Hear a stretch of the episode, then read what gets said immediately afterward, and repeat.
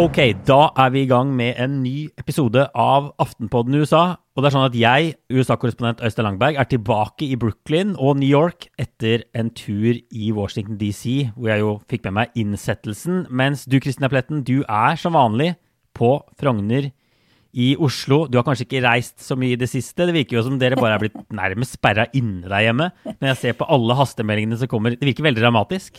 Ja, her er ikke det så mye som skjer. Vi eh, sitter i ro og håper at denne koronapandemien snart skal gå over, og at uh, mutantviruset ikke skal spre seg for mye. Så vi, uh, ja, vi tar livet med ro og, og gjør som ja. vi får beskjed om. Ja, jeg, jeg, må jo si at Det vitner jo om hvor god kontroll Norge har også. Det bare ser så sykt dramatisk ut der hjemme. Og så ser jeg sånn, ja, det er sånn 250 som ble smitta det siste døgnet eller noe i, i, Norge. I USA er det jo fortsatt liksom 170 000-180 000. altså Det ville jo, regna om til norske tall, ville jo tilsvart i hvert fall 2000-3000 nordmenn i døgnet. Så, så, så, så, det er jo bare sånn, her er det jo bare ikke kontroll. Det er mutanter overalt. der. Men, men, i Norge så er det i hvert fall et håp om å kanskje kunne få dette under kontroll. da. Men det virker jo som man tar ekstremt hardt i sammenlignet med sånn, sånn ting er her nå. Men kan, er det mulig å gå ut og spise på restaurant og sånn i, i, Oslo nå? Altså inne? Det er det ikke. Det er ikke mulig å sette seg ned på, et, eh, på en kaffebar eller et bakeri engang. Du må liksom bare gå inn og kjøpe det du skal ha, og så gå ut igjen. Men de har jo ja. åpnet Vinmonopolet igjen, da, og det var jo den store greien i helgen. Det var fullt ramaskrik, og jeg fikk sånne meldinger fra venninnene sånn Hvor mange vinflasker har du? Og, og folk hadde gjort opptelling i skapet. Så det det viser jo litt om prioriteringene her hjemme, da. Ja, ja. Nei, for i New York har det vært sånn at uh, det har vært altså, uh, restauranter og barer som har vært stengt en god stund. Uh, de stengte igjen egentlig over jul, da. Eh, fordi det var mye smitte og sånn. Og det som er imponerende i New York, det er jo sånn at i New York City, og særlig på Manhattan, så er det sånn at folk har jo knøttsmå kjøkkener. Og det er ganske mange jeg møter som vel aldri lager mat. Det er vel sånn at de aldri lager mat hjemme. De spiser Kanskje de smeller sammen noe frokost, noen bagels hjemme, og så spiser de lunsj og middag og middag ute. Og så er det jo en voldsom kultur for å spise ute, og nå mm. er det jo det faktisk sånn Ute er jo vanligvis inne om vinteren. Men nå sitter folk altså i Det er kaldt i New York om vinteren. Nå er det fem minusgrader, kraftig vinder. Folk sitter og spiser ute fortsatt. Og det må jeg bare si jeg synes er utrolig imponerende. Vi liker jo liksom å se litt ned på noen amerikanere og tenke at nordmenn kan kle seg og sånn, men, men de er noen beinharde mennesker, altså. I hvert fall i New York. Det er veldig tøft, da. Ja, det er veldig gøy. Og de har bygget sånn eh, New Yorker hadde en morsom artikkel her om dagen hvor med en, en, fyr som hadde prøvd en sånne plagg som er sånn sovepose du kan kle på deg og ha med deg ut. Så det er kanskje noe man kan vurdere å prøve. Jeg spiste en pizza her om dagen i en park nede på Dumbo. Og jeg tror jeg holdt ut i sånn fem minutter, men det er, det er kaldt, altså. Når det er uh, sånn siv opp fra elva der, du skal sitte med fingrene og prøve å få i deg en pizza. Så jeg spiser inne enn så lenge. Ja, det, det, er kaldt her også. Jeg har jo faktisk noe som ligner på en sovepose, da, som er en slags kåpe, men uh, som jeg nå har gått rundt med i månedsvis. Og... Men nordmenn ville jo aldri spist ute i ti minusgrader. Det er det jeg mener. Det er det som er litt imponerende. Men det er klart man tar med seg kulturen videre, og det er kanskje litt sånn at nå skal vi vise det viruset òg, at vi skal ikke endre vårt levesett. Jeg skal spise ute, jeg skal drikke vin ute selv om det er vinter. Jo, men altså det er jo faktisk et par steder som har eh, bord ute og sånn nå, da. Og pledd og skinn og sånne ting. Ja. Eh, åpent bakeri og sånne steder har jo f.eks. Eh, bord og ja, stoler, så ja, du kan sitte ute og drikke kaffe. Men de kommer ikke og serverer mat og sånn ute, da. Det gjør de ikke. Du tar ikke en femretter ute. Nei, vi kan begynne bare Vi skal komme inn på litt mer substansielle ting også etter hvert, men, men eh, vi får ta litt praktisk info først. Dette blir den siste uka hvor jeg og Kristine er å finne i den vanlige Aftenposten Aftenpodden, heter det. Aftenpodden-feeden. Eh, så vi vil anbefale alle å gå inn og søke opp Aftenpodden USA i den podkast-feeden du bruker, om det er Spotify eh, eller iTunes eller noe annet. Vi fikk et spørsmål fra en leser om hvorfor vi ikke var i Pocketcast. Det var en feil, så vi er nå i, i Pocketcast. Men altså, hvis du ikke vil gå glipp av episodene fremover, og vi har masse spennende i vente, så, så gå inn nå og, og søk opp Aftenpodden USA, og følg oss der. Mm. OK. Vi tenkte i dag å snakke litt om Joe Biden og hans første uke, som jo har vært hyperaktiv, får man si. I hvert fall når man ser i mediene. Eh, og vi tenkte å snakke litt om, om etter hvert om partisystemet i USA, og litt om hvordan man får gjennom politikk og sånn, og hva egentlig Biden kan få til. Men vi tenker først å snakke om, om den metoden han har brukt nå, mye av den første uken, altså presidentordre. Og Vi har bl.a. fått spørsmål fra noen lyttere om hvor demokratisk dette er, og hvorfor man har endt opp med dette systemet i USA, som jo virker bare ekstremt vinglete. For det virker jo som egentlig det Biden forsøker, er å bare utslette hele Trumps eh, arven etter Trump, den politiske arven etter Trump i løpet av bare, bare den første uka. Det virker som han langt på vei får det til òg, at det er mulig å gjøre det. Han har altså eh, undertegna først altså godt over 30 sånne presidentordre i den, altså på mindre enn en uke. Mm. Som jo er en rekord i nyere tid. Economist har laget en fin graf som viser at det bare er helt, helt eksepsjonelt mange. Altså, hva kan vi si da? Hvor kommer disse, hvor kommer disse presidentordrene fra? Og er dette et litt pussig system? Ja, altså jeg har sett litt på dette her litt sånn lenger bak i tid, og det har variert veldig. Det var f.eks. Roosevelt, eh, altså FDR, brukte masse presidentordre i de årene han ledet i USA, som jo var krigsårene, så det var kanskje ikke så rart. Nei. og som gikk mye på sånn eh, eh, ting som var nødvendig ikke sant, i en ekstrem situasjon. Noe av det samme kan du jo se med noen av Biden sine eh, presidentordre i, som er opp mot koronakrisen. Men Eh, det har jo også blitt en trend de siste 20 årene at fordi at Kongressen er så fastlåst, så bruker presidentene dette eh, som en måte å få ting gjennomført eh, uten å gå veien om de folkevalgte. Obama gjorde det, eh, så kom Trump inn og reverserte mange av Obamas presidentordre, og nå ser vi altså Biden gjøre det samme med Trump sine. Ja. Og ulempen med det er jo at du ikke lager politikk som står seg da. Du, du, det blir en sånn hybridløsning ofte. Eh, presidentordre kan f.eks. ikke eh, sette til side penger for, eh, for, tiltak på samme måte som du kan hvis du får en, et lovforslag gjennom i Kongressen. Så du må drive med mye mikking for å få det til å få det til ja. å fungere, da. og noe av det Donald Trump gjorde, var jo at han Eh, la press på Justisdepartementet. Det er en avdeling i Justisdepartementet som skal vurdere om disse presidentordrene faktisk er i tråd med Grunnloven. Og den avdelingen fikk ganske mye press under eh, Trump sin tid. Fordi at eh, de ble da presset til å godkjenne noe som de kanskje følte ikke var helt eh, eh egentlig kosher. Og så ble de bedt om å vri og vrenge litt på loven der for å få det til å høres ut ja. som det var, var, riktig. Og det har flere eh, som jobbet i den avdelingen i Justisdepartementet, vært ute og fortalt i etterkant. Så det er en litt sånn eh, jeg vil si at det er en litt sånn tvilsom ordning og noe som amerikanerne burde se litt nærmere på. da, En av mange ting som de burde ja. vurdere i demokratiet sitt. Fordi at det, eh, det Ja. Det er, det er på kanten demokratisk, tenker jeg. Ja. Obama fikk jo ganske mye kritikk fra sånne som Wall Street Journal, sånne, sånne mm. klassiske konservative på, på høyresiden, da han drev og, og forelska seg litt i disse presidentordrene, særlig i siste perioden hvor han ikke hadde flertall i, i Kongressen lenger. Mm. Og så gjorde jo Trump Han ble jo virkelig forelsket i presidentordre og har jo blitt sett på som en sånn som skulle fremstå liksom, som sånn eneveldig konge. At han kunne slippe å bry seg om om så mye av det andre. Så det har vært mye stillere fra høyresiden i USA på kritikken av presidentordre under Trump. Da. Det har vært noe kritikk, men, men de har jo bare sett at dette er noe begge sider bruker. Vi kan jo bare, Jeg lagde en liten kort liste over noe av det eh, Biden har gjort. Vi kan ikke gå gjennom alle de 30, men jeg kan ramse opp noen av de reverseringene han har gjort. Altså Han har gått inn i klimaavtalen igjen, Parisavtalen, mm. og har tatt USA tilbake i Verdens helseorganisasjon. Han har satt muren til Trump på pause. Han har stoppet en oljerørledning som heter Keystone. Han har stoppet muslimforbudet, altså innreiseforbudet fra en del muslimske land som Trump innførte. Han har gjort noen andre innvandringsliberaliseringer, og han har opphevet Trumps forbud mot transpersoner i militæret. Det er bare en bitte liten. Mm. Altså, det er en del, del, av de tingene. Som alt er, er Trump-reverseringer. Som, som, jo viser, ja, som viser problemet Presidentordre kan gi en del makt. Det handler jo egentlig om, ofte om det handler egentlig om å instruere direktorater og byråer. og Det, handler jo om hva den staten kan gjøre det er jo ikke nye lover, det handler om hva man kan gjøre på en måte innenfor det eksisterende, eksisterende regelverket litt. Og, og, det er liksom en del makt i presidentordre, men det viser også problemet med at alt kan bare fjernes, eller mye da, kan fjernes med et pennestrøk.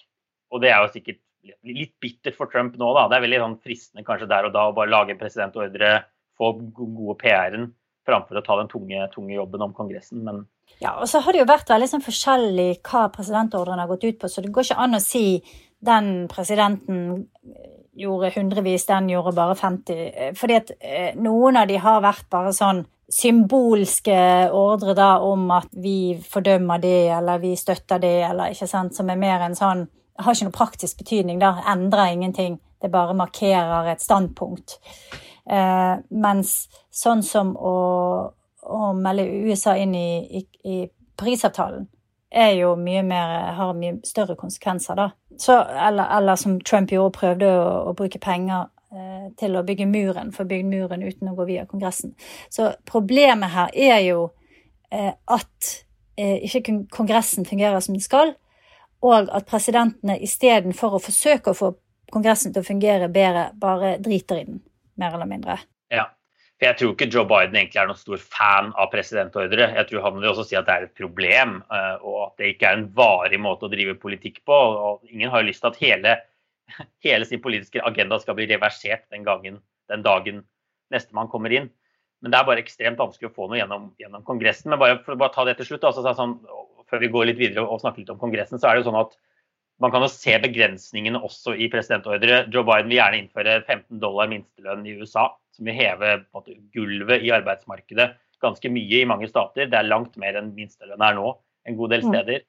Men det kan han ikke bare gjøre med en presidentordre. Så han har nå laget en presidentordre som sier at når, når føderal, for føderale ansatte, og når staten skal kjøpe inn, eller i hvert fall jobbe med en sånn type presidentordre, da skal de kreve 15 dollar minstelønn.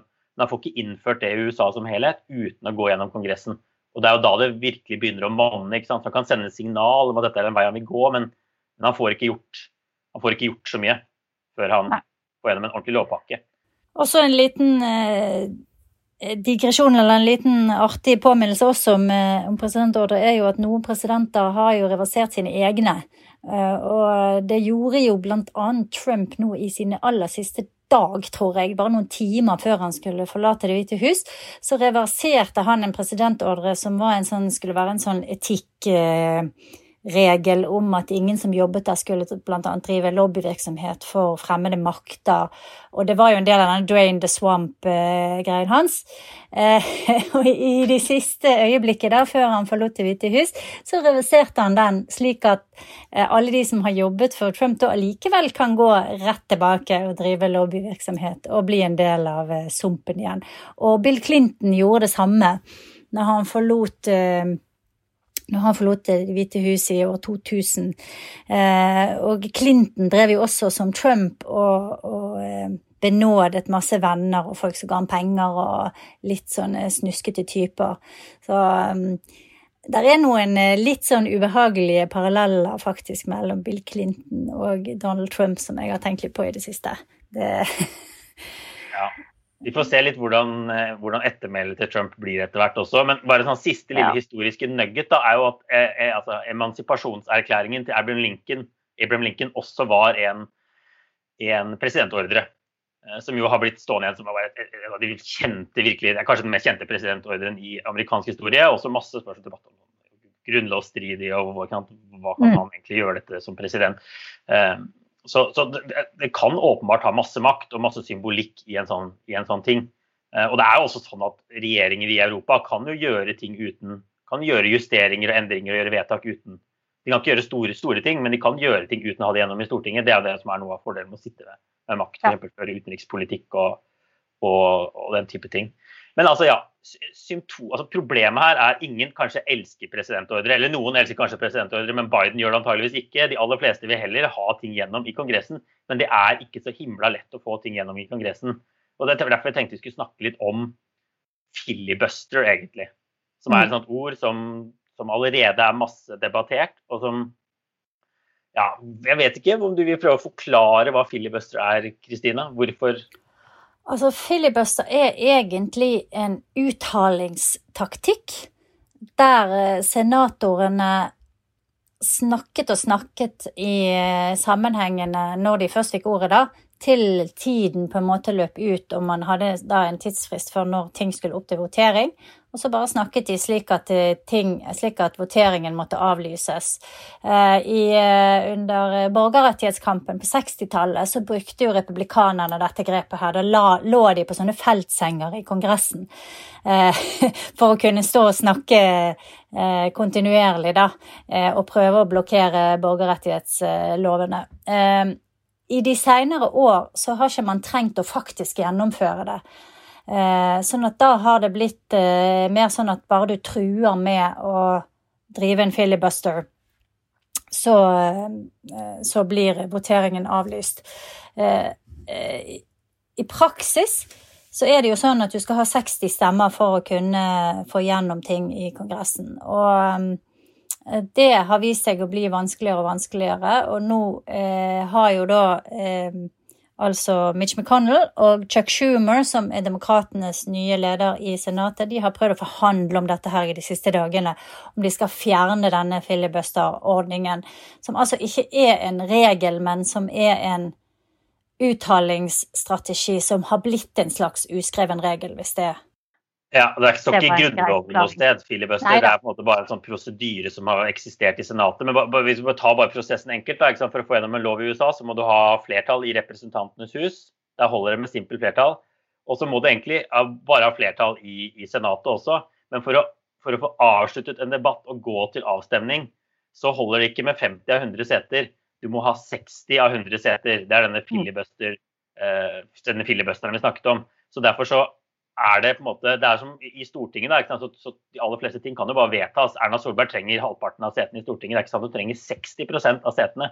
Men sånn her er det jo egentlig i USA. Og Det er det mm. som gjør det ekstremt vanskelig å få noe gjennom. Og Nå har demokratene 50 seter. og Det er lang vei opp til 60 seter. Da må de ha med seg ti republikanere for å, få gjennom, for å få gjennom noe som helst. Og Det er bare vanskelig, vanskelig å finne den støtten. Det har det vist seg da over tid. Og bare for å ha sagt Det altså det amerikanske systemet er jo skrudd sammen sånn at det skal være vanskelig å gjøre store endringer. Det er eh, konstruert for å være eh, stabilt, eller det man tenkte på som stabilt den gangen, som var at man skulle ha eh, komme frem til kompromissordninger. ikke sant? Men det krever jo da at du har eh, politikere som er villige til å samarbeide. Og det krever at du, at du, har en kongress der ikke eh, de fleste politikerne sitter i hver sin ende av partiene de representerer. Og, og det som har skjedd nå de siste ja, kanskje 20-30 årene, er jo at partiene har blitt mindre og mindre samarbeidsvillige. Politikken er blitt mer og mer polarisert. Men systemet eh, som krever samarbeid og kompromiss, det ligger fast. Og det gjør at eh, resultatet av det er at ingenting blir gjort, og så får du presidentordre isteden. Ja. Ikke sant. Og, og, det er jo sånn at uh, Før var det sånn at du måtte ha 60 stemmer i Senatet for å få gjennom nesten noe som helst. For å få godkjent føderale dommere, for å nominere folk til regjering. Um, for å få dommere på lavere nivåer gjennom. Og det er jo sånn at Denne filibusterregelen har blitt fjerna på en del av disse tingene, men den eksisterer fortsatt på de aller fleste fleste lovforslag. Og det er ganske mange demokrater som bare sier rett ut vi må fjerne filibusteren. Og det som er jo da fascinerende, at den kan fjernes med 51 stemmer eller 50 stemmer da, i Senatet. Du trenger mm. ikke 60 stemmer for å fjerne denne prosedyreregelen. Når den først er borte, da, er jo, da blir det jo litt mer fritt vilt. Og da kunne jo selvfølgelig Trump fått også gjennom mye mer antageligvis i sin periode, hvis han ikke trengte 60. Men så, på demokratisk side så er det mange, mange masse debatt om å fjerne filibusteren nå. Men det er ikke sånn at alle vil det. Biden er en skeptiker, det vet man. Han er en gammel mann fra Senatet som, som liker de gamle reglene og ordningene. Men altså, du er jo kommentator, Kristina, har lov til å mene ting. Bør filibusteren bort? sånn? Nei, jeg syns ikke det. Og en av grunnene til det er jo at du ser jo at eh, på dommerne, da, som, eh, der de har fjernet filibusteren, og det var det vel Schumer som gjorde tror jeg, sist gang demokratene hadde flertall.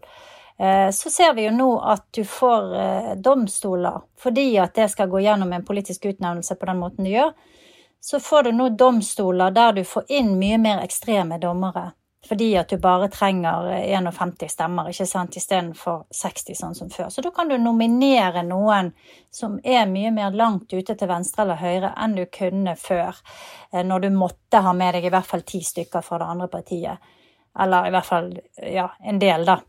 Eh, og det tror jeg faktisk er en god grunnregel. Så jeg tenker heller at eh, amerikanerne bør se på andre deler av det politiske systemet sitt og forsøke å eh, finne måter å, å inngå kompromiss på og legge mer vekt på å få ting gjort, da. Og da kan man jo gå helt ned på f.eks. måten de velger senatorer og representanter i, eller kongressmenn og -kvinner i Representantenes hus. Ehm, du har gerrymandering, ikke sant? der de vrir på distriktene sånn at noen distrikter blir veldig eh, blir veldig republikanske eller veldig demokratiske. Altså det er, det er masse. Alle pengene som er involvert i politikken. Alle de kreftene som trekker i polariseringens eh, retning det er de de må se på, ikke tenke det at uh, denne her ene uh, regelen vil løse alt. Takk.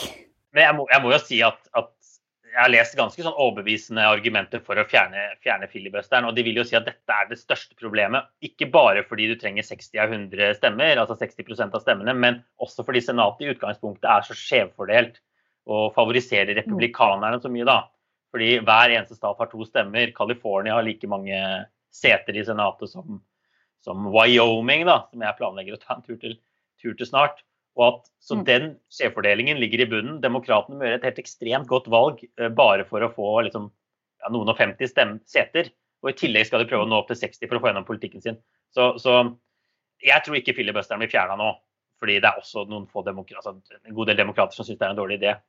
Men det virker jo som en som en veldig brems, sånn som og en brems for å få, få, gjennom nesten noe som helst. Jo, jo, men det går, vil jo også slå i andre retningen. At uh, demokratene kan jo da også oppleve at uh, republikanerne kan gjennomføre ting med knapt flertall, som de kanskje vil like veldig dårlig.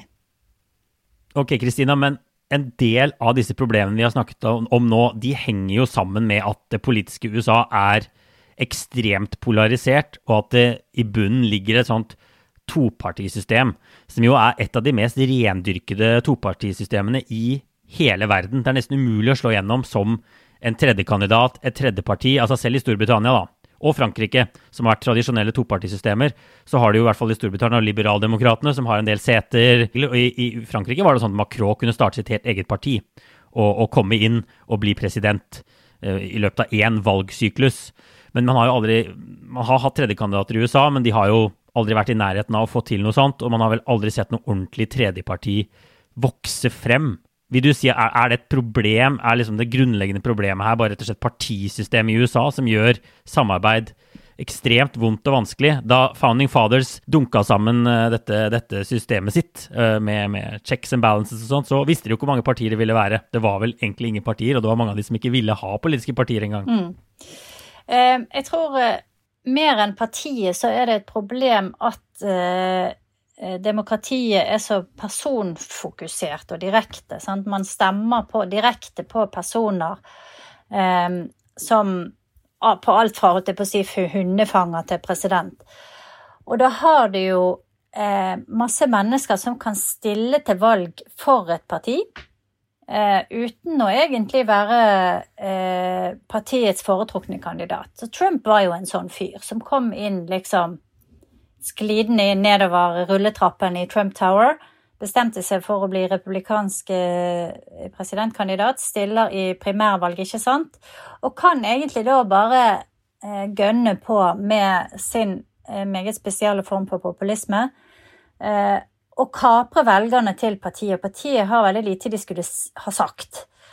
Så har du mm. pengeinteresser som også eh, har blitt sluppet løs de siste ti årene. De kan danne sånne superpacks og bruke og utøve utrolig mye press. Så partiene er jo egentlig veldig svake på veldig mange måter.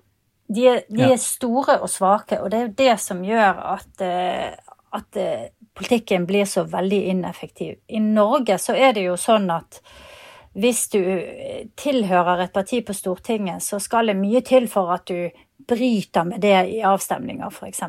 Og, og partiene har òg mye mer å si for eh, hvordan, eh, hvordan eh, kandidatene blir strukturert og løftet opp, osv. Så, videre. så der er, er, masse problemer med det demokratiske systemet i USA, men jeg tenker det der personfokuset er kanskje det faktisk, tror jeg, det aller største. Ja, Og det er jo sånn at når man har to dominerende partier, sånn som republikanerne og demokraten, så er det jo ikke sånn På demokratisk side er det masse folk som vil ha masse reformer, men det er liten interesse for å gå over til et sånn, sånn system som vi, som, som vi, har i Norge, med forholdstallsvalg. Det er jo sånn at mm. demokratene, når de først vinner, så vinner de jo skikkelig og mm. får all makt. Så klart, for de to store partiene så har de jo også et slags monopol her. Og jeg bare leste en sånn liten morsom historisk eh, faktum, var jo at i en bok som heter Why Cities Lose, som er en veldig interessant bok om, om valgsystemet i USA, hvorfor demokratene taper igjen og igjen, selv om de jo ofte får flere stemmer enn republikanerne. Og Der er det jo en gjennomgang av hvordan ting var i Norge og Europa eh, fram til på starten av 1900-tallet hadde også Norge samme system som USA og Storbritannia, i hvert fall til en viss grad, med enkeltmannskretser. Um, hvor det var én person fra hver krets, og det partiet, altså du kan ha et parti som vinner nesten alle setene på Stortinget uten å vinne et stort flertall i befolkningen, sånn som du også kan se i Storbritannia. Men så var det sånn at en voldsom arbeiderbevegelse vokste seg frem i Norge og pressa på for å få sånne forholdstallsvalg og det så man også i mange andre europeiske land. Og da var det et eller annet også med at de fikk med seg de liberale partiene, sånn som typisk Venstre i Norge, som så at de kunne komme til å tape i fremtiden og sånn. Og så klarte man å innføre et sånt proporsjonalt system som vi har i mange europeiske land. Men man gjorde det ikke i Storbritannia. Der mener forfatteren av Why Cities Lose at eh, liberaldemokratene, de liberale, som jo hadde vært det dominerende partiet til venstre for de konservative, eh, feilberegna. Og de trodde de ville greie å holde Labour unna, og isteden så ble de smadret av Labour. Og, nå er det ingen i Labour, eller få i Labour da, som vil bytte system, fordi når de først får makta, så får de så, mm. så, mye makt. Og I den boka så står det også om at, om at, det aldri ble en sånn ordentlig arbeiderbevegelse i USA. De ble på en måte innlemmet i det demokratiske partiet, partiet etter hvert. Og det er en grunn til at man har endt opp med det, med det systemet mm. man har endt opp med. da. Ja, det har vel vist seg at uh, den skandinaviske modellen, da, også med den skandinaviske politiske modellen har, vært, har ført til ganske stabile samfunn. Og selv når du har sånne der eh, f.eks. bompengepartiet, folk kan finne på å stemme frem et parti bare fordi de er mot bompenger, så får ikke det eh, Bortsett fra kanskje i Bergen, så får ikke det så mye makt at det, at det liksom skader demokratiet. Sånn som jeg vil påstå at Trump var i ferd med å gjøre da Sant? At du har mm. én mann med eh, veldig lite moral, veldig eh, outrerte meninger, som kan på en måte trampe over sitt eget parti, trampe over Kongressen, eh, fordi at eh, systemet er skrudd sammen på den måten det er. Ja.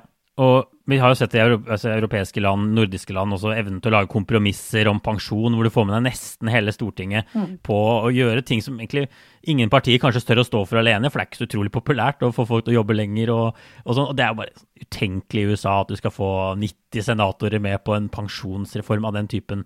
Eh, noen vil jo bare liksom, smette ut på Fox News og si ja, man stjeler folks alderdom, og så er du i gang. Mm. Så det er, ja det har vært noen gode år for, for proporsjonale systemer som vi har i, i Nord-Europa, og noen dårlige år for topartisystemer. Og så kan det selvfølgelig endre seg, endre seg igjen. Og det er vel eh, også en av teoriene om eh, topartisystemer er vel også at de legger mer til rette for nettopp polarisering. Fordi, som vi har snakket om, at du får denne her eh, sentrifugaleffekten der de dras fra hverandre, og der hele grunnen til å bli valgt og grunnen til å stille som politiker er å skape kontrast mot eh, motstanderen, og dermed så eh, Du blir ikke belønnet for noen kompromissløsninger, da. Det er i hvert fall ikke sånn som det er nå. Og så var det på 90-tallet var det litt annerledes med New Labour, og da skulle man inn i midten og vinne, liksom. Så det, så det endrer seg. Men akkurat nå så ser det ut som det er ekstreme folk med i, i primærvalgene som vinner, og så kan du kapre et helt parti, og da har du kapra halve landet, og så er det litt tilfeldigheter om du blir president eller ikke, da. Men Trump, Trump ble jo det. Mm. Men Kristina, helt til slutt, vi får ta litt obligatorisk refleksjon. Jeg vet ikke om du har tenkt på noe interessant den siste uka? Du ser litt tenk, tenkende ut. Ja, altså jeg har noe som ikke har noe med USA å gjøre. Eh, men det ja, men må jo være deilig, lov av og til, for det, da kan ja, det jo liksom Min har noe med USA å gjøre, så du får ta ja, din først. Ja. Altså Det jeg har sett på den siste uken, det er en fransk serie som heter eh, Ring min agent. Eller den heter 10% på fransk, da. Og den er kjempegod, og nå har den nettopp kommet eh, den fjerde sesongen på Netflix. Og den kan anbefales på det sterkeste for alle som vil ha sånn litt Den er litt sånn voksen nå. Det er ikke noe Ingen vampyrer og ingen, eh, ingen, ingen vold og Det er liksom Den er sånn avslappende å se på og morsom. Så den eh, Den har veldig teit tittel, så jeg tror derfor så har den gått veldig mange hus forbi, da. Eh, men det ja. som er spesielt med den, er, som er veldig kult, er at det kommer inn sånne kjente skuespillere, store franske og noen amerikanske skuespillere, og spiller seg selv. Og gjør egentlig litt sånn narr av seg selv og sine egne diva-fakta og sånne ting. Så den er, den er veldig kul og skikkelig god. Og tittelen en gang til? Den heter Ring min agent. Ring min agent. ja. Dårlig navn, ja. god serie. Yes. Bra. Bra. Du, min eh, er bare en kort anbefaling av en podkast som heter Vox Conversation. Hvor den, I den siste episoden så er Ezra Klein, som jo var grunnleggeren av Vox, som har slutta i Vox og begynt på, i New York Times, faktisk, som, som, kommentator. Han er tilbake og har en sånn gjesteepisode i samtale med Even Osnos eh, fra New Yorker, som har skrevet en biografi om Biden. Og Jeg må si jeg syns det er bare en intime, veldig veldig interessant samtale. Jeg tror fortsatt det er sånn at Biden er en fyr vi ikke har helt grep om hvem er, og hvorfor han gikk inn i politikken, og, og hva, han, hva, som egentlig driver han. Og de sier at han i hvert fall starta ut med antageligvis mer personlig ambisjon og sånn ung kulhetsfaktor enn at han var så opptatt av det demokratiske saken og sånn. Mm. Han var kanskje en som trodde han kunne selge politikken. Og det har egentlig prega han, han, gjennom hele karrieren. Men de snakker også litt om forskjellen med Obama og Biden i stil. Uh, at Biden faktisk kanskje er en dealmaker mer enn Trump var. Han fikk jo ikke til så mange deals, og mer enn Obama var. Uh, og at han kommer inn med sånn som Mitch McConnell og sånn. At det er litt viktig.